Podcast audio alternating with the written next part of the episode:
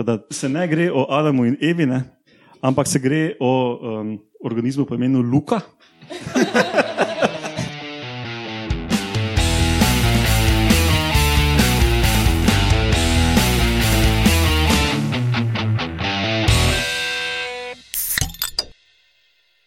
Lepo zdrav, poslušate 26. oddajo Metamorfoza, to je podcast o biologiji organizmov, ki vam jo predstavljamo skozi um, lahkoten pogovor o pivu. Pivo, ček, imamo tri. Ja. Metamorfoza gostuje na medijskem mreži Metina Lista. Jaz sem Matjaš Gregorič, evolucijski biolog in arahnolog. Um, danes smo v klasični bazi v hramu Rozman, tudi v, v klasični zasedbi, od moje leve proti desni, gozna Jožica, naravovarstvenica in dežurna poročevalka iz Japonske in Švedske Urša Fležar. Ja, Zdaj zdaj si, ej, ja, no. Zdaj je tudi gozna Jožica na Twitterju, tako da uradno. Točno ne? to, Ja. obstajam. Zdaj si uh, legitimna članica družbe, bi rekel Tomič. Točno to. Zdaj moram sam za to imeti še en app na telefonu, da, imam, da sem lahko gozna jožica uradno. No, Um, pol, pol imaš Alenko. No, potem sta Alenka Rozman, etnobotaničarka in coprnica, in Laura Rozman, etnobotanik in karateist. Laura, veš, da bo zdaj na olimpijskih igrah karate prvič? Sem slišal, ja. Ja? Sumim, da se jih ne bom udeležil. Ker bi še mogel biti tam. Ja? In Roman Luštnik, Luštnik! Mislim, da smo najdel novo ime. Marsikateri naredi lušte. Ne? Pa marsikateri ne. No, no in Loman, Luštnik! Loman lustnik. Veš kaj, to je že ta doj, dojenčna govorica ven seka. ja. probi zbudzi, Okej. budzi. ok, Roman Luštrik, ne? gozni oža, strelec, ne po horoskopu in um, dežurni tonski mojster. Ne? Tako. In biostatistik, veterinarski tehnik, eh, maturiran gimnazic, pa uh, Tudi osnovna šola. osnovno šolo imam tudi. Pa vozniški izpit B kategorije. Pa za multikultivator, Pa pa, za pa kolo. za priključke, pa za traktor. Dober. Roman, ti si ful uporaben. Znaš uporabljati koso. Znam. Celo na brusat, nor. pa sklepati, če treba. Um, Veš, to je nekaj žensk. pa sprejemaš na etromuno. No, lo, lahko jih kar takoj ukinem, ne? Ker pač kose ne so tako- Kose so tako, kot ženske, ne? včasih gre tudi na klej, pa ne sam brusati. To si kje To, prebral. to sem slišal, ja, No, jaz, ja. sem, jaz sam brusam doma. Uh, kje smo ostali? Uh, Mene drugače lahko kontaktirate na Edmatjaš Gregorič, uh, dali bomo pa še link na blog Slasno od zakoncev Rozman, kjer lahko kak malo drugačen recept vidite. Sam slastno šuglih na počitnice. Marsikdo je zdaj na počitnicah. Ko bo to prišlo ven, bolih izpočiti. A boš kaj napisal? Definitivno. Zdaj preveč dela, ker je top sezona. Ni cajt, da sem pisal, o čem vrtelaš. Sicer pa kakršni koli komentarji, kritike, pohvale na e-mail metamorfoza.afnametinalista.si ali pa na Facebooku metina liste, na Twitterju metina liste in na Twitterju pod hashtag metamorfoza. Tak, to je to. Danes imamo kar nekaj novic, pa najboljše, da z njimi kar začnemo. Ja, še prej pa moramo povedati, uh, kot zdaj že standardno, kdaj to snemamo. Ne? uh, to sem pa pozabil pogled. Jaz imam, jaz imam. To snemamo danes, ne, kot običajno, na 211. obletnico rojstva Williama Hamiltona. Ah, Veš, kdo je to Roman? um, un, um, britanski mogotec. Irski matematik, fizik in astronom. No, se to ne. Blizu.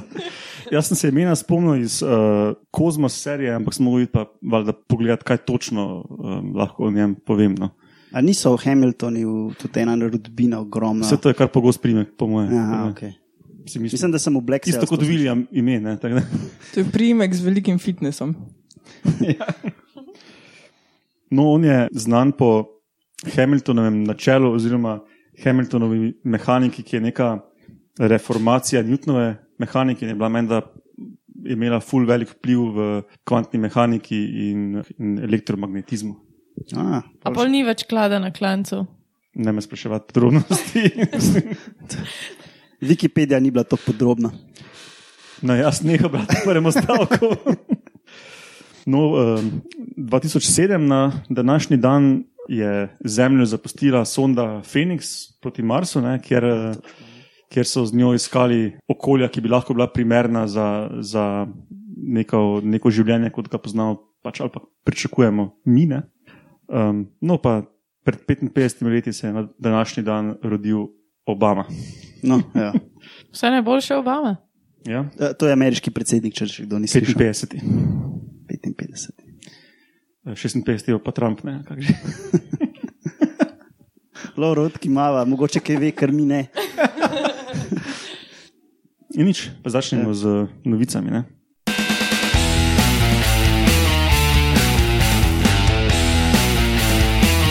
Novice. Začnem jaz, in danes bo neka moja rdeča nit, bojo, bo evolucija, pa predniški, predniške oblike življenja. In začeli bomo s predniki vsega živega, ne? ki pač že dolgo iščejo, kaj bi ta organizem ali pa or organizem pod narekovaji lahko bil. Ne? Bog torej. Ja, no, da- danes, smo, danes delamo podcast o biologiji, tako da nimamo čas za pravljice. Tako da se ne gre o Adamu in Evi, ne, ampak se gre o um, organizmu po imenu Luka. To, me- to me spominja na tisto Mont, uh, na, na Rowan Atkinsonovo sketch, ki re, reče: Dobrodošli v peklu, jaz sem hudič, uh, prijatelji me kličejo Tobi. Pol v bistvu ni bil Adam, ampak je bil Luka. No, to je Luka, je Last Universal Common Ancestor, LUCA. No, se je Luka. Ja. Zakaj pa je moškega spola? Kdo pravi, da je moškega spola? Luka je lahko tudi žensko ime. Ne vem, če je se. Ali Oša pa bi še verjela. Ne? A si Samo slišala za pristanišče, Luka Koper? Luka. A to je ženskega spola? Ja, Luka, Ja, Luka je tista ženskega. Luka. Ok, kakorkoli. No, in um, pač ideja, da, je življenje, da so živa bitja, ki jih danes poznamo, da imajo enega skupnega prednika, je danes nekako v znanosti splošno sprejeta hipoteza. Ne? Da zdaj pač bolj iščejo, kako bi ta prednik lahko sploh izgledal. ne. In Ko Luka. Najbolj taka veljavna hipoteza do zdaj je, da, je pač to, da se je to življenje začelo v tistih hidrotermalnih vrelcih na dnu oceanov. Ne? Pa poznajo so že ene, tak, mislim, oziroma sklepali so na ene 100 genov, ki bi jih lahko imel, ne? pač, ki so jih, um, glede na zdaj znan genetski material od današnjih organizmov, nekako sklepali nazaj v preteklost. Ne? No, ta študija pa pač to popelje malo naprej. Ne? Kaj se odle povedal? Da, se mi zdi zanimivo, da je že prvi organizem imel gene.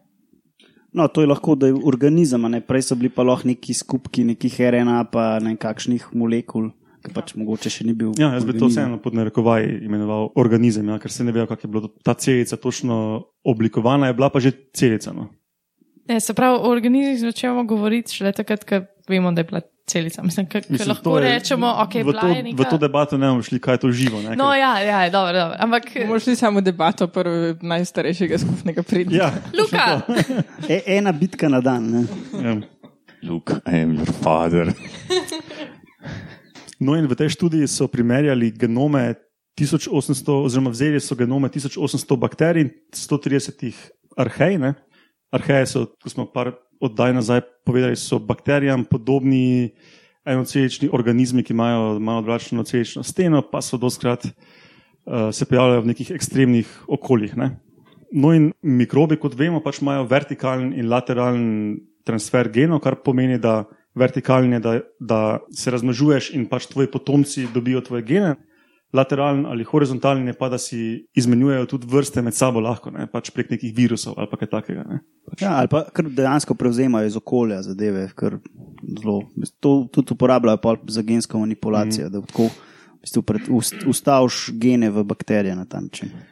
No, in tu so združili te genome vseh teh um, organizmov in so imeli 7 milijonov genov, ki so jih mogli nekako prečistiti iz um, 286.514 družin genov. Ne. In potem članka nisem dobil, ker sem to še valjda ga danes probat poiskati. Tudi Sajhab ni dobil in noben na Twitterju mi ni odgovoril, očitno so vsi na počitnicah. Ampak itak ne vem, če bi sploh razumel filogenetske ali pa statistične analize, ki so jih delali. Skratka, oni so analitično nekako ločili med tem vertikalnim in lateralnim prenosom. Oni so hoteli izluščiti samo gene ki se dedujejo z razmnoževanjem, ne se pravi pač ta vertikalen prenos. In so po dolgih analizah izluščili 355 genov, ki so kandidati, da um, jih je imel tudi ta Luka, ta last common ancestor. Ne. In um, seveda iz teh genov lahko sklepajo potem na neko fiziologijo, na okolje, na ekologijo tega prvega organizma, če ga tako imenujemo. No, in ugotovili so, da je verjetno nastal pred 3,8 milijardami let, plus minus. Ne. Um, je bil termofilen anaerob, se pravi v nekih okoljih brez kisika. Pa, pa Um, zelo vroče. Ne? Ja. Za Ja. primerjavi z danes. Pravi, ja, pač, da, je, da, je, da je bil v anaerobnem okolju, um, nekem geokemijsko aktivnem termofilnem okolju. Ne? Se pravi, v okolju, ki je bogato z vodikom, oglikovim dioksidom, pa nekimi minerali, Ja. železom. pa tako. No, in um, meni, da je ta organizem baziral na vodiku kot donorju elektronov. To je pogosto meni, da pri, pri arhejah. Ne? Maja se, v bistvu, veš, mi poznamo, naš znani svet ne, je precej omejen. Pač, um, tiste, tisti svetovi, ki do kamor naše raziskovalne um, odprave zaradi finančnih vidikov ponavadi ne sežejo, so izjemno raznolika okolja. Ne? In tam tudi ponavadi ni kisika in zato pač kisikov metabolizem ne deluje, ne? Pa so drugače drugač poteka ta veriga. Ti moraš No, pač ja. tisti tist prosti elektron moš nekam prepopati, ne? mi to pač delamo na kisik, eni drugi pa ne vem, na železo, recimo, ali pa kaj tasga. No, potem pa so še recimo posebnosti takšne, ne, v, um, spravi pač um, neke gene so identificirali kot kandidate, da jih je ta Luka imel, ne, ampak to, če gena za nekaj ni, še ne pomeni, da ga res ni, samo da ga oni pač niso detektirali. Ne. Moče čisto zaradi nekih omejitev v njihovih metodoloških pristopih, ampak ne, niso našli nobenih indicov za to, da bi ti, da bi ti prvi organizmi bili sposobni pumpati ione med okoljem in notranjostjo Ja. celice. Ne, se pravi, um, glede na te podatke, pač naj ne bi bili sposobni ustvarjati nekega gradienta, ki bi, ki bi jim dal energijo, in sklepajo, da so pač izrabljali um, ta naravni gradient med to vodo, ki puhti iz teh vrelcev, ne, in pač morsko vodo v okolju, kakorkoli je to potekalo. No, pol pa bi naj imeli še nek um, tako imenovan revolving door protein, ki nisem našel primernega slovenskega izraza za to. ne. Vrteča Pač- vrata, Ja, protein no, ampak- vrtečih vrat. Ne vem, če obstaja kak biokemijski izraz, ki je uveljavljen za to. Zdaj smo ga glih kar izumili. No, dobro. no in meni, da um, ta protein omogoča pa izmenjavo natrija in vodika, in meni, da je to ključno za izkoristek tega gradienta med um, to vodo iz vrelca in morsko vodo. Ampak pač, pač članka nisem dobo, nisem mogel diskusije prečitati, če so kaj več o tem napisali. To sem bolj iz abstrakta članka, pa iz drugih virov. Kaj pa, če bi, naprimer, jaz razmišljam, če bi svoje vzorce spremenjali, pa bi potem videli, kakšne so razlike v teh rezultatih, se pravi v tej kupici genov, ki jih na koncu izločijo. Zdaj so, ti si povedal to bajno številko, ne, koliko so v, not v lonc vrgal, pa koliko so pa ven dobili. Ampak, mislim, jaz si predstavljam, da bi to bilo tudi lahko tako, da bi pol vrgal, ne vem, tisočkrat več, pa bi videli, kaj bi vam dovolj, ali pa tisoč, tisočkrat manj. Pa bi videli, kaj bi vam dubal, ne pa je pa približno Ja, ja, vedela, koliko koliko sem jaz razumel, korektni koliko pa bi vzel še kaj drugega, kot arhe bakterije ali pa Ja, bakterije. seveda. No, ja, ampak- ja. večji vzorec. Bakterije pa arheje so najbolj logične, zato ker smo mi itak znotraj arhej filogenetsko. Ne? Mi smo pač neka zelo diferencirana veja arhejne. No, um, ampak, Ja, ja, koliko sem jaz ta članek razumel, so oni zelo konzervativno metodo vzeli ne? in so kvečemu spustili neke gene, ki so kandidati, um, kot pa da bi jih preveč vzeli. Tako so vse oni to razlagali. No? Ali pa koliko sem, koliko, koliko sem jaz iz tega razumel. Ampak valjda, se to je pač, to je pač znanost, ne? nič ni nujno 100% res. Ne?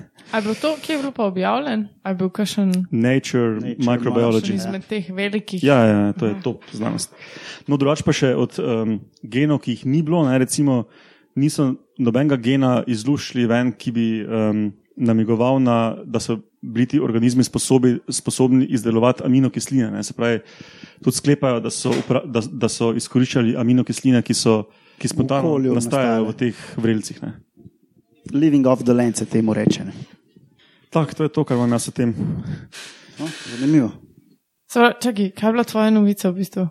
Da so probali definirati, kje gene je imel Luka. A ja, no, da, da se to zelo dobro um, sklada, fiziologija in ekologija tega Lukaja, ne, se zelo dobro sklada z to hipotezo, ki je prevladujoča do zdaj, da, da je pač življenje nastalo v teh hidrotermalnih vrelcih na dnu oceanov. ne. A pol dejansko so oni Mm. prvi z neko tako metodologijo potrdili to, kar je.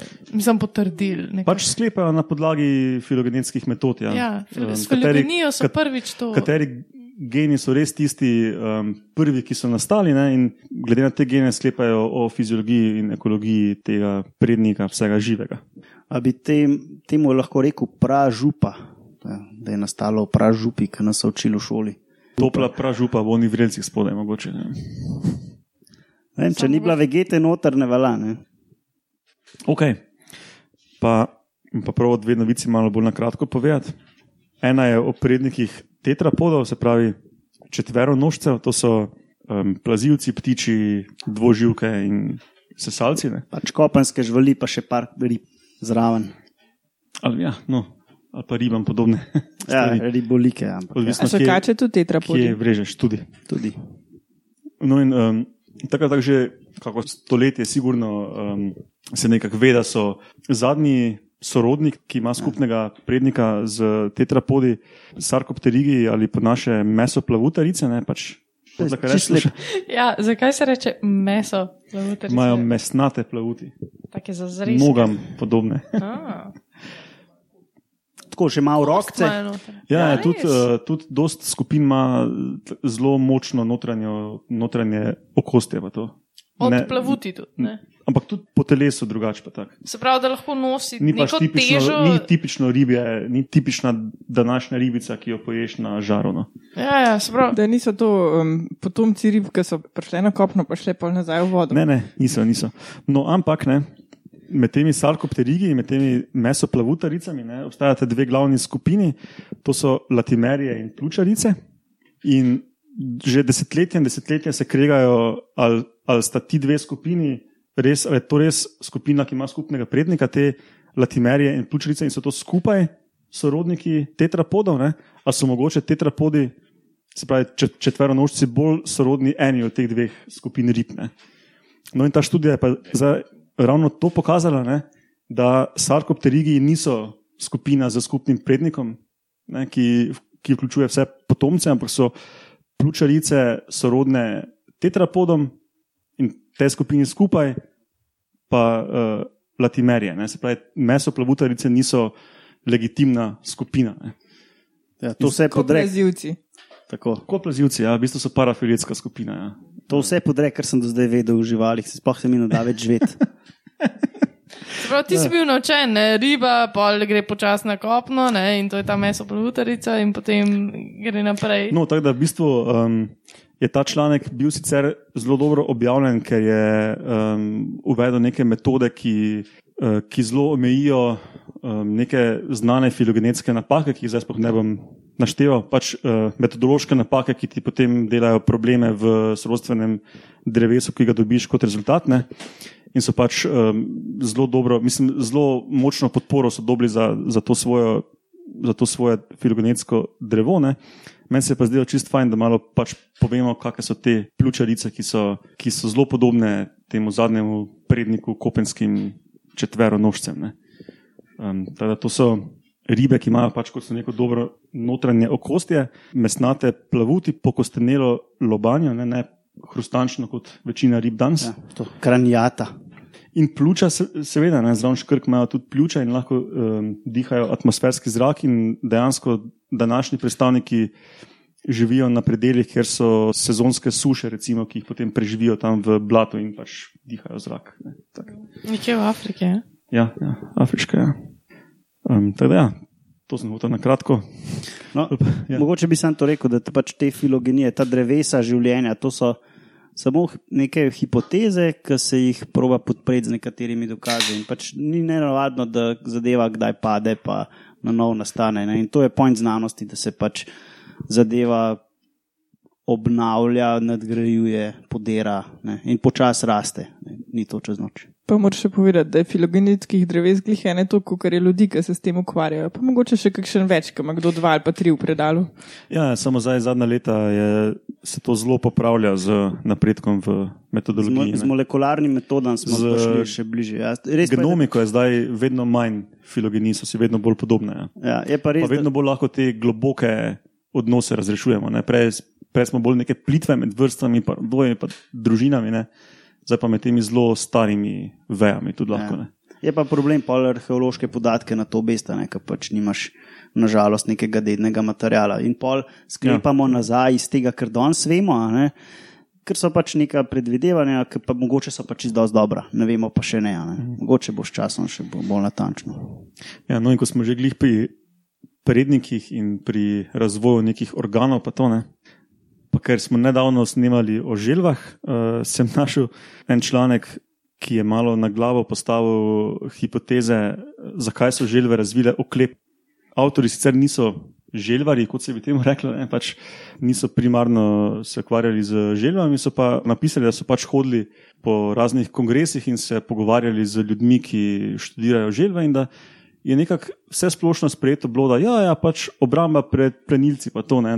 Noben se pa res ni vprašal, kako je pa do tega prišlo, ne, ker oklepje iz razširjenih reber, ki se zlijajo z vretenci, ne, to ne more nastati v eni generaciji. Ne, se pravi, kaj bi bila prednost um, enega prednika želel, da ima vedno bolj široka rebra, ne, dokler to ni res en ščit. Ne, to, ta obramba pred plenilci je potem na trhlih nogah, če si tako probaš predstavljati. Oziroma je to sekundarno, ne? to je pač dodana Točno vrednost. To, ne, pač niso vedeli, kaj bi lahko bila prvotna funkcija teh zelo razširjenih reber. In um, zdaj so pa našli dost novega fosilnega materijala, najstarejšega znanega prednika želo, ne, ki je po imenu, A bo, a bo to Laura prebral? A je spet kakšen luka. ne, to je pa Eunotosaurus africanus iz Južne Afrike, izpred, uh, fo- fosili izpred 260 milijonov let. Ki so jih že odkrili sicer 1892, ampak so jih potem najprej so jih ignorirali in nekje pozabili v enem muzeju za, za skoraj sto let. Ne? Ja, Pix or it didn't happen. Ne? Kaj je Pixar, se rekel? Pix or it didn't happen. Se slika A ja, ali pa se ni zgodila. ne. Očitno niso slike. Like, Pixar Puj didn't si, happen. ne? Puj si, ali pa se ni zgodilo. Kaj to zdaj? No, in um, zdaj so podobili desetine novih osebkov iz fosilnega materijala. Ne? In so to obdelali in so ugotovili, da so v bistvu ti predniki že bili kuščarjem podobni organizmi, ki so večino ali pa vsaj zelo dosti časa preživeli pod zemljo. In so imeli kratko čokato glavo, male oči v takih um, um, ne jamicah, no, ampak um, v nekih gubah noter. um, Skratka, jih skoraj niso rabili. oči zaščitene, neke fulmale pa zaščitene pred, pred, um, pred, pred gubam. tem, da jih nekam podrgneš. Pa, to, no. Pa zelo močne sprednje noge. Ne? In če imaš ti zelo močne sprednje noge, seveda rabiš močne mišice, ki se, ki se pač pripenjajo na, Na na nekaj. razširjena rebra. Ne? In močne kremplje ne, na teh sprednjih nogah. Spravi, to niso bile neke vodne živali, ampak živali, ki kopljajo po zemlji. Ne. In pač sklepajo, da so pač predniki želo imeli zelo razširjene, zelo razširjena rebra kot adaptacijo na neko podzemno življenje, ne, in da se je potem sekundarno, kot si rekel, pač razvilo to v neko obrambo pred plenilci. Ne. In dejansko potem 40 let pozneje iz Kitajske. Spravi 220 milijonov let nazaj obstajajo neki fosili prednikov želo, ki imajo samo na trebušni strani oklep. Recimo, ne.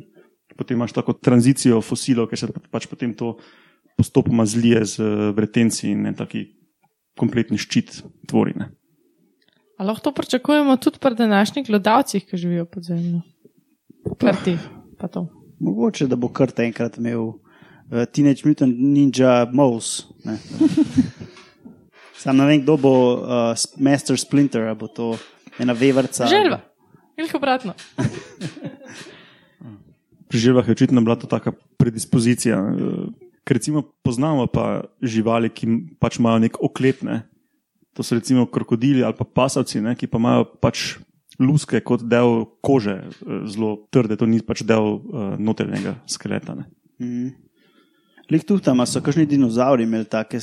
Oni so imeli ščite, ampak to so bile vse to povrhne strukture, mm. niso bile. Tega kar dosti, ja, ampak uh, teda je zelo, pač bi bilo dosti bolj za pričakovati, da če bi pač bila primarna funkcija oklepa zaščita se pač potem razvija iz nekih struktur na površju, ne, ne, ne iz Ja. kosti notranjosti telesa. Ne. Pa še to je pogosto uh, zaščita pred recimo izsuševanjem, ne pa to mogoče pred ja, to, predatorji. ne. to je pač, ja, pač sklepajo, da so takrat uh, zra, pač, ali zaradi nekih spremenljivih sušnih razmer na površju, mogoče ti predniki želo šli pod zemljo, recimo, ali kaj takega. Ne. Se tudi kače so take, ne? Ki sklepajo, da Ja, ja, so predniki to, da smo to tudi imeli v me- metamorfozi, ja, da so predniki v bistvu ne, neke rovaj, kako se temu reče, korove delajo, Ja, zdaj da je uno. rijejo po tleh. Rovačice. Okolje po padcu meteorita ne, pač um, favorizirali živali, ki pod zemljo kopljajo. Vsaka na svoj način izkoristi. No, jaz sem izčrpal moje predniške novice. No, gremo bolj v sedanjost. Pa pol. gremo v pa- sedanjost in bo Urša povedala nekaj o lišajih in o simbiozi lišajev. Mislim, uh, uh, Pa, v simbiozi lišajev eh, plus presenečenje. Mislim, sej, simbiozi v lišajih. Ja. ja, Ja. Ja, tak. sej lišaji so simbiozi. ja, ja. No, ampak eh, da v bistvu, da ne bom vlekla te skrivnostni, ne. Lišaji so bili vedno znani kot simbioza in se mi zdi, da so se otroci že, no, smo se otroci že od mehanga učili, kako je pa lišaj tipičen primer simbioze, ker to sta alga in gliva, ki živita skupaj in ena za druga skrbita srečno in tvorita te strukture, ki jih vidimo na drevesih in kašnico nabirajo za čaj in tako naprej. Ne. No, in pred kratkim so pa uh, znanstveniki ugotovili, da to ni čist tako, ne? da ni vedno tista ena gliva in ena alga in skupaj sta srečni, ampak da, je, um, da sta dve glivi, pa ena alga ali več alg. No. Trojček. Ja, ja, ja. Mi trije smo najlepši par, ali najboljši par, kak je to. No, točno to. Mislim, ne vem, zakaj se niso z nami začeli že prej pogovarjati, te znanstveniki, mogoče bi jim kapnala. veš. Um, tako je bilo, no, kot sem rekla, ne, vedno je bilo to neka taka skoraj dogma, ne, kaj je lišaj. Um, so vedeli, da je tudi včasih še kakšen drug ta fotosintetski organizem, se pravi.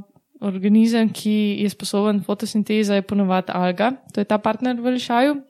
Gliva pa je tisti partner, ki poskrbi za in fizično oporo, in uh, prevzem vlage iz okolja.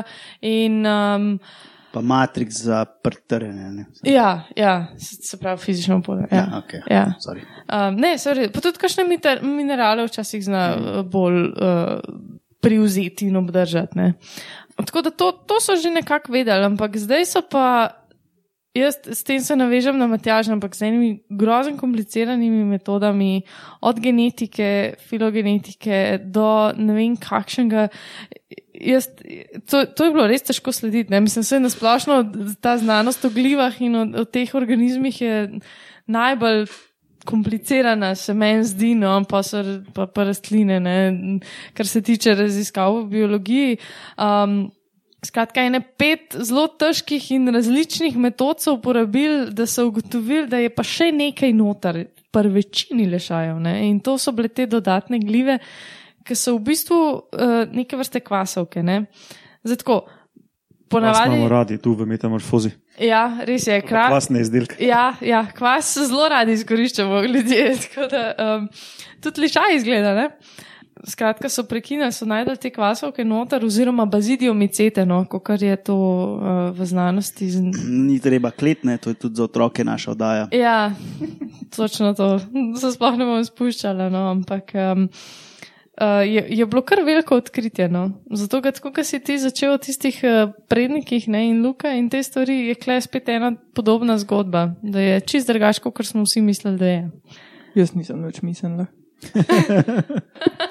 Se mislim, da je tudi drugače uh, bilo dosti poskusov v preteklosti, ker so pravili pač um, laboratorijsko nekako pripeljati um, nekega fotosintetskega partnerja, nekega glivnega partnerja do, do tega, da bi formirala lišaj, pa ni pa ni ratalo. ne. Vedno je nekaj pač sklepajo, manjkalo. zdaj pa sklepajo, da to lahko bila fora. Ne? Ja, vse to so delali, ne? probali so jih gojiti v laboratorijih in, in vedno sklepajo, nekaj da je uni uh, kot en katalizator. On, Pa tudi mislim, dosti je, mislim, da so te kvasovke v, v skorji. Ne? Um, Ja, v bistvu skorja je uh, narejena iz različnih delov ne? in en del te skorje so prav kvasovke in ponavadi, ko so jih. Um, ki so delali tudi raziskave na tem, iz česa so lišaji sestavljeni, iz kakšnih celic in kakšen je metabolizem, so te celice vedno izpadle, kaj ene mrtve, popokane, neke celice, ki so jih vsi. Sicer ne bom rekla ignorirali, ampak nekako so predvidevali, da so neki drugega oziroma neki, um, uh, neki povezani nekako s tistimi celicami, ki so že vedeli, kaj so. No. Tako da so jih ponovadi. Ja, mislim, da je pač to, kar se dogaja v skorji lišava, so, mislim, da povezujejo ful z prevzemanjem vode pa nutrientov. Ne? In potem so pač metabolne poti pripisovali tistim drugim askomicetam, se pravi tistim drugim glivam, ne, ne bazidijomicetam, ki so te kvasoke. Um, in očitno pač Gliho, ja, ja, ja, sorry. te druge znane glive niso sposobne vseh teh metabolnih poti, ki so jim pripisovali. Se pravi, so verjetno te kvasoke v skorji ključne za kakšne minerale, ki jih lišaj rabi ali kaj takega, si jaz predstavljam. Ne? V laboratoriju so vedno preveč sterilno delali, več niso dobili vseh organizmov, ki jih rabijo. Niso dosti nohtov uporabljali. Ja, meni se je zdel ta članek. No. Tak. Ja, v bistvu je zanimivo, ker kdo je to objavil. Ne? To je bil tam en BJ, ki je bil v šoli zelo poreden, pa kolnoč bil priden, pa, pa, pa enkrat pač malo pamet prišel, pa se je začel mm, ukvarjati s tem Ti zadevami. in je- mislijo out of the box. Ne, Ne, mislim, da je so to tako, da je naučeni. bil neki, kot bi rekli, američani white trash. Ne? Ja, ja, ja, tako pač pri iz nekega je- revnega predela in tudi ni imel uh, formalnih pogojev, da bi šel študirati, pa so ga pol nekako neformalno, mislim, so ga nekako izjemoma sprejeli, ne vem, kje je v Evropi na nek faks. Uh, ja. In pol je pač z mikroskopom začel malo raziskovati zadevo. in imel pa pač full veselje ne? In ga je to pač pripeljalo do full dobrega odkritja. ne. Ja, v bistvu je spremenil mišljenje, ki smo ga imeli ne vem, 150 let, da gre to za dva organizma, v bistvu pa pač tak trojček. V resnici pa cel ekosistem. Ne? Ja. No, ok. Pa gremo še na zadnjo novico. Danes bo Alenka povedala nekaj o tem, da tudi rastline gamblajo. ne. O grahu. Ja, jaz sem imela pa tak simpatičen članek, kjer so um, gojili grah in temu malemu grahku so razcepali korenino, da je imel potem dva koreninska sistema. In so sicer polovico korenine vtaknili v en lonček, pa polovico v drug. In v enem lončku bila, um, so bili pogoji stalni, se pravi. Um, Minerali in tako, druga sestava se ni spremenjala, v drugem lončku se pa je. In potem so gledali, v kjer lonček bo um, ta grah več korenin naredil. In izkazalo se je, da preferenčno v tistega, ki ima konstantno količino nutrientov. Se pravi, tam, ki je količina preveč nihala, tisti ni bilo zihar, pa kje se ne splača preveč vlagati in je pač um, grah naredil več korenin tja, ki je bilo za zihar. Razen, kadar so bili tem, v teh konstantnih pogojih, kadar je bilo toliko mal mineralov, da jih je bilo premalo, da bi grah lahko normalno rastel. Takrat pa pol um, se ni preveč zanimal za to, da bi vlagal tja korenine, ampak jih je v soseden lonček, čeprav so tam količina mineralov nihala, ampak boljš neki, ki tam, ki veš, da je noč. Ja, oziroma so pač gamblali, je pač Grahek gamblal in je pač upal, da bo tam tisti, med tistim nihanjem zadev nek vrh, ki bo, kjer bo dostnot. Ne. No, pač izbira je bila zanesljiva smrt ali pa nezanesljiva smrt. Ja. Nujno. Pa še No. ne, zanesljiva smrt, ne. Ja, no brainer. Ne. Vse grah nima možganov, tako da v vsakem primeru je nov No, brainer. ampak zanimivo je bilo to, ker pač to je prva študija, ki sploh pokaže, da imajo rastline neko tako variabilnost, v, um, da ima en, osi, en osebek, ne se pravi, ena rastlina ima tako vedensko, če rečem vedensko, po narekovaj, variabilnost, da se da gambla spet pod narekovaj, veš, kar je pač so vedno tradicionalno pripisovali živalim z nekim živčnim sistemom. Ne. Če piše v članku, da je to prva objava, ne ti temu verjeti. Veš. Zato, ker na rastlinah so veliko delali, recimo s svetlobo, ne, in so ugotovili, da pač se čist um, rastline dejansko obnašajo. Ne. Ja, on, ampak so gamblanje pokazali. Pa se to niti ni gambljanje, če imaš ti Ja, je nekje gambljanje. premal, med, premal mineralov, da bi sploh lahko živel. Ja, je. sem gambler, ki imaš na razpolago ja. opcijo, da greš ali pa ne greš. Ne? Crkneš ali pa samo mogoče crkneš. No, ampak takrat je gambljanje, ker pač ti ima, če bi bila rastlina samo v enem pogoju, to niti ni gambljanje, to je pač proba živeti. ne. Če imaš pa na razpolago, pa se odloča za eno stvar, to pa bo že malo pol hazarderstvo. ne. S tem, da če imaš premalo mineralov, da bi sploh živel, je po, eni strani imaš prav, ne, da pač itak ni dosti ta, ta, ta minimalc premalo za to, da bi Ja, sploh- ampak živali se obnašajo zelo podobno. Ne? Ja, ident, Um, tudi mi se če, če, obnašamo. če imaš ti neko stalno zalogo hrane, pa imaš na voljo alternativo, ki je full variabilna, ki pomeni, da boš imel še full več ali pa premalo, ne? in ne veš, kaj bo, se bojo živali odločili za stalno, ne? pač isto kot rastlina. In pač to do zdaj ni bilo pokazano Ja, ja, z ja. eksperimentom. Ne? A gleda, kakšna časovna komponenta še zraven. Sprav, koliko časa, so, koliko časa je grah mogel vedeti, da tam pa res ne bo nič, preden se je nekako prešaltal. Mislim, mislim, da je cel poskus trajal 12 tednov. Pač se ni, da se prešaltajo, veš, pač v, enem, v obeh lončkih ima korenino. ne. Ja, ja, Zdaj Pač sem, v katerem bo več, ve, več korenine zrastel. ja. In se pravi, so spremenjali pogoje potem Se to je tako, kot veš, skozi 12 če imaš uh, rastlino tako v pol senci, ne, pa bo vedno ti rasla proti svetlobi. To Ja. tudi ni gambljanje. ne, to ni. Ne. Ne, sam, ampak tam ima stalen dotok svetlobe. Ne? Se obrne tja in potem naslednja je spet in se spet obrne tja in naslednja je spet in se spet obrne tja. Ne? Tako si rekla, Alenka, vse verjetno je marsikdo na to že sumo. Ne? Samo pač še noben eksperimentalno tega ni pokazal. Pač bistvo je pa to, da kljub temu, da rastline nimajo, da nimajo možganov, so kar brihne lahko. Ne? Ja, definitivno imajo, imajo kar nekaj odzivov. Um, Mislim, niso vse samo lokalni odzivi, ne? je pač nekaj, je Ja, dosti st- sistemsko. st- stvari koordiniranih na cel osebek. Ne? Se to je fora kar organizmov. Precej bolj zapleteni odzivi, kot bi človek tako od rastline mm. pričakoval. ne. Pač vsi mislimo, da more neki zapleten odziv pač v živali, v živali prideti, ne, pa, pa ni nujno res. Ja. Se v bistvu podobno kompleksni odzivi so tudi že, ne vem, že v bakterijah, samo da so pač na nivoju molekul, pri rastlinah ali pa pri živalih je pa to na nivoju tkiv, pa organov, recimo živčevja in mišicne.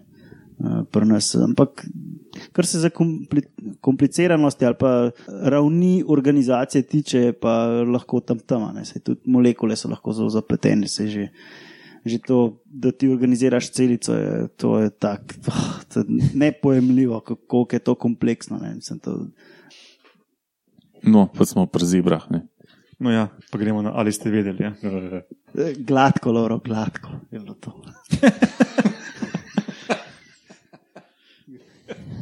Bo- Bolj gladkega prehoda še ni.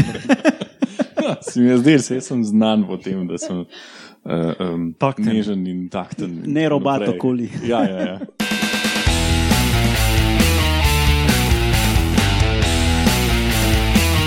Ali ste vedeli? No, danes bomo zvedeli, kaj si ljudje mislimo, zakaj imajo uh, zebre te črte. Um, že od 1800 si razne stvari mislimo okoli tega, um, in prevladujoče so štiri hipoteze. Vse so za noč, in ali pa vse je ful dobre, ali pa kakšna. Bomo, z- vsak si misli Meni se, svoje. zdi, meni se zdi, da vse tri, da so kar nekaj. No, no, daj, boš ti. Lauro je Bomo, tako. bomo videli. Lauro je tak orakel, ne, da vse je možno. Kam, no, ena, ena ne, mislim, da se že- a, tako jaz sem kar tako, ki so jih um, ne po verjetnosti, a ne kar se meni zdi, ampak um, tako, kot je bilo navedeno. Po vrsti. Ne, po vrsti ja. najprej, najprej ta, ta očitna, ne, um, da je to kot ena kamuflaža pred uh, predatorji. Ne. In pa so šli ful stvari delati okoli tega. Zato, ker savana je črno-bela. a ne? Sej to, ja. Jaz se to mislim, da je dejansko tudi kronološko najstarejša hipoteza. Zna biti. Ja. No, in pa so pač um, ugotavljali, da to pa mogoče ni tako, kot ste rekli, da to ni tako dobro, a ne, da pač pa bi mogli biti tam v gozdu, a ne, in da če so v gozdu, pol bi mogli biti pa bliska, če ne, to ni dobro, in pa so ugotovili, da te želve, pa itak so kaj ježi, Želve. ful, um, da so te zebre, kaj ježi, da so ful glasne. Ne. Lauro, to so vsi te trpodi isti. Ja, no, pač, malo in danes nekaj. Pač ta hrana. Ne. Tetrapod, tetrapak se isto. Kakorkoli. Um, no, pa so ugotavljali, da, da um, v določenih primerjih, ali kaj je uh, mrak in zora, da plenilci vidijo to pač mogoče mal um, slabš, kot pa recimo, ko je dobra svetloba in tako naprej. Ampak spet samo iz določene razdalje, pa nekaj takega. Ja, fore, ne. tako da pač Da ni ta kamuflaža je, recimo, da kar, kar, kar na trhlih temeljih, ne, mal verjetna. No. Uh, potem ta, druga, ta drug razlog oziroma hipoteza je, da je to pač socialno pomembno za žirafo, v smislu, da Žirafe. Naj, naj začnem še enkrat. Naj, ta druga hipoteza je, Veš kaj, zdaj smo dokazali, da se fotrom v to vročini skrisajo možgani. Ne? Očitno ni samo brain damage, samo za matere to kvelak. Ampak. ne, ne, pa za fotre izgleda bolj trajno, veš. Po loman luštne, da bi ste razložil. Loman luštnik. ne se, se bom zmogel. No, kakorkoli, druga hipoteza govori o tem, da je to za zebro socialno pomembno, v smislu, da se pač po teh vzorcih nekako um, spoznavajo in da vejo, kje je kakšna in tako naprej. Kar je spet verjeten mali strte zvita, ker pol pač, če pogledamo bližnjo konsko sorodstvo, ne, ker so precej manj pisani, pa se vsem spoznajo. Ne. Tako da to je spet taka, mogoče malo bolj bosa, ne. ali pa tudi ne, ne vemo v resnici. Oziroma nepodkovana za No, primer. ja. Sigurno ni eksperimentalno podprta hipoteza, tako da je pač Ne. za lase privlečena. Ne? Zagrivo. No, Za vsak, grivo privlečena, na vsak način, ampak ne čisto neverjetno. Ne? Ampak po drugi strani, ne? če si ti zebra in imaš tam 200 ali pa 500 unih drugih istih zebr z podobnim vzorcem, bi ti vedel, kje je kašna. Ne. Ok, gremo naprej, ta je bila za nič. No, vse, kot si rekel, pač uh, konji in druga konjska olika žlahta se prepoznavajo tudi po drugih znakih. Ne, Von. Ja. Težko si je predstavljati, na kak način bi to Bi točno evoluiralo. ne, bi- Vzorec si ja. zapomnil. Ja. Ja. Okay, se mogoče imajo zebre posebej zvezan možgan, da, da imajo to, da, to prilagoditev, ampak verjetno ne. A mogoče video, kaj UV ali pa kakšen drugem spektru, ki mi ne zaznamo to Pa dobro. jeden ne. No. A kakšni vretenčari vidijo? A, razen na toperijo, pa pticijo. Ja, sem mislila, sesalci, sorry. No, pol je še ena um, hipoteza, ki govori o obrambi pred paraziti. Um, ta je posebej zabavna. Ja. Uh, no, ampak ima pa pač za, za temelj eno študijo, ki je en, um, ena skupina odkrila, da nekatere muhe raje pristajajo na uniformni pobarvani podlagi, uh, kot pač na, neka, pač na takih, um, Na štrajfne. kot na štrajfnah. Ja. In to pa je eksperimentalno Ja, ja, da, Ja, En, ampak no, je že- kaj so že Ne vem, eh, če- CC muhe, pa še neki drugi, ki bi pisali, napadali. če gre za pač točen kateri muhe in če so te muhe res od teh zebr in tako naprej nazaj. Sklepal sem, da ker je to tam pisal, da verjetno gre za neke muhe, ki se tičejo teh. Ja, ja, gre, mislim, uh, vsaj dva tipa so omenili, ene so bile CC, ene so bile pa neki drugi, ne vem, bolj neki obadi ali nekaj, meni se zdi. In oboje je to motilo, ali samo ene, ali Mislim, nobene. to ne vem, če so za oboje eksperimentalno znani podatki, vsaj za ene od teh je kao znano, da Ja. ne rade pristajajo na kao na črtastih belo-črnih podlagah ali nekaj takega. Okay, se pravi, um, to bi bila. Niso to na zebre, mislim, dejansko potrdili na zebrah, Ja. ampak so nam pač nekih. Se pravi, to je circumstantial evidence. Ne? No, gremo naprej. Um, no, se pravi, tudi ta uh, razlog je bil malo tako, ne, ne čist uh, neverjeten, ampak verjeten ne. No, pol je še četrt, ki se mu reče, da, da, da, je, eh, da gre o hlajenju oziroma termoregulacija, kar je pa totalen bullshit. Ne. Tako Da, um, Ja, samo še najboljše podprto s podatki. Ne? to ne vem, ampak Ampak to pa pravijo isto za žirafe. Kako, mislim, jaz, jaz tega ne razumem, kako je hlajenje in termoregulacija pod, podprta s podatki, razsvetli nas. Je verjetno tako, da so gledali, kje kapilarce so odprte, ne une pod črnim Ja. ja. pa une pod belim.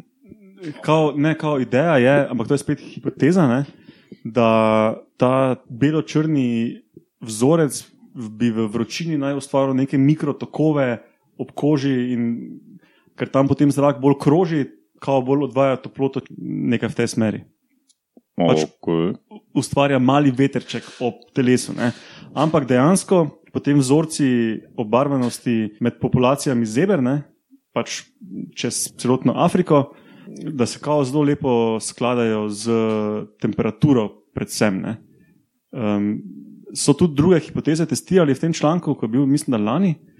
Um, pa recimo niso mogli potrditi nobenih vzorcev s temi muhami, pa to ne, za paraziti, da bi pač kakorkoli vzorci ustrezali razlika med populacijami zeber. Ne. Spravi tam, ko recimo ni uh, teh nekih tipičnih parazitov, ki naj ne bi pristali na črno-beli podlagi, tam bi potem nekaj druga pričakoval, recimo, pa se totalno ne sklada z, pač vzorci obarvanosti zeber ne skladajo z razširjenostjo parazitov. Recimo, ne. Se pomeni, da temperatura sklada z nekimi vzorci črt na, kako se temu reče, na toraksu. na večini mase, ki se more ohladiti, Torzo to. ko pač termoreguliraš. Ne. Trup. Na trupu, ja. No, ja. Ja, Skratka, no- ja, že gre trup težko No, tudi, tudi, tudi jaz sem mogel prav iti po tem članku brskati, ker mi ni šlo, kako lahko termoreguliraš z barvo. In potem sem dejansko našel, da pač je neka hipoteza, da te črte ustvarjajo pač neko cirkulacijo zraka okoli njih. Pa, neko zelo mikro, ampak to, ja, ampak to je, to je zelo, spet zelo, to je taka eno leto sveža hipoteza, ne, ki bomo pač videli. Iz, iz tega jasno sledi, da so vse štiri hipoteze hkrati prav in hkrati narobe. Um, pač nismo se, nihče se ne more zediniti okoli tega. Skratka, po črto povedano, ali ste vedeli, da še vedno nimamo pojma, zakaj imajo zebre črte? To, to sem hotel nekako povedati, ampak je Matjaš to boljš povedal. Da, evo. To sem hotel sicer že na začetku povedati, da boš ti razložil, zakaj nimamo pojma, pa sem pač pozabil. Ja, no, pač, skratka, vsaka hipoteza ima uh, verjetno zrno resnice noter, ampak uh, nobena ni pa prepričljiva. možno je, da Ali pa več je- kot ena, kaj prispeva k temu. Ja. ali pa je ja. koncert večjih, če se Ja. zraven. Okay. Pa gremo še na današnjega vaškega posebneža. Pa bo zdaj Roman povedal nekaj o rastlinah, ki krvavijo za svojo lastno obrambo. Uh, dobro, da sem spomnil, sem že malo pozabil, a na mestu.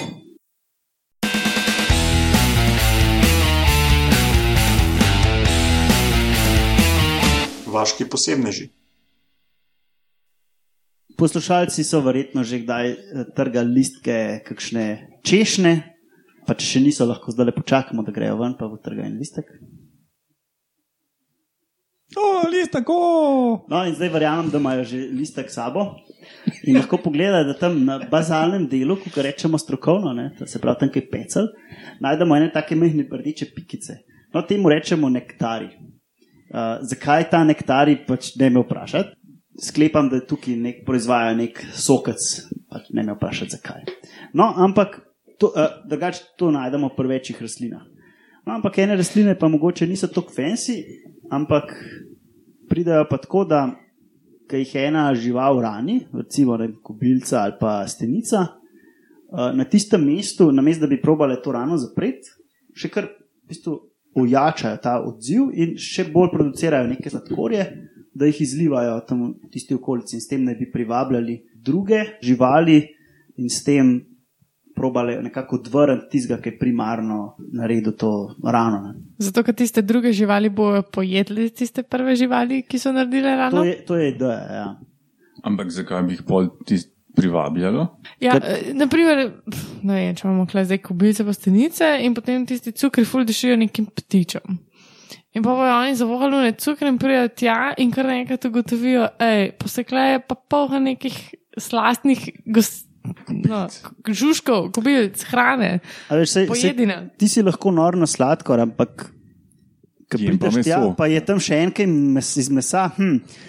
Podobno smo imeli Razumem, tudi, zdaj Ne, razumem. se, podobno smo imeli tudi v eni, v eni oddaji, ko smo imeli tiste uh, ribice na koralnem grebenu, ki v bistvu spuščajo neke, potem, ko so ranjene, spuščajo neke atraktante, da privabljajo še vrhne ali pa više predatorje, zato da probajo tisti višji predatorji odgnati tiste živali, ki so njih poškodovali. a Ne? No, na podoben način je pa tukaj, a ne, da probajo. Uh, jaz sem si to predstavljal tako, sicer se ne spomnim že dolgo nazaj, kar sem ta članek videl. Da je recimo, če nek herbivor, ki ni nujno nor na cuker, ne, tako. ti pri, privabiš nekoga, ki je nor na cuker, ki bo nadležen tistemu, ki te, ki te, ki te obžira. Ne. tako je. Ali so to neke mravlje ali karkoli, Ja. ja. ne vem. Ne. Ampak, Se pravi, prijatelj tvojega sovražnika je. ne, sovražnik to je sovražnik. Seveda, da je neki sovražnik, pa prijatelj. Pa posodobiti moramo hipotezo, da se vsem moškim skisajo možgani v tej vročini. Brez otrok. Ali je Saj pa ne da nalezljivo, vedo. Ali pa če ima prijatelj z otroki. ne. No, in ta rastlina, ki so jo študirali, je v bistvu uh, latinsko se reče Solanum dulcamara, Loro, kako je grenko slat. Ali gre, so rekli, da je grenko slat ali nekaj tasga. Neki, neki tajce se Jaz- se v glavnem- Kulinariko zraven. Ja. Ja, ker ni sladko kisla omaka, ampak je grenko kisla. ne. Ja, to se- A, grenko Sliši sladka. Smiselno. Ja, in je prav čudno, da si tega slovenskega, imen- slovenskega imena nikakor ne morem zapomniti, zapomnim si pa, uh, kje sem točno nabral to rastlino za svoj herbarij. Ja, to si je pa ja lažje zapomniti, ko imaš osebno dogodivščino zraven. Neverjetno, no, prav vem, kje je v Škofje Loki. Pravi, prebral to. današnjega vaškega posebnega, že sem imel ti v herbariju. V Škofje Loki. Super. Pod gradom, ob, ob Sori.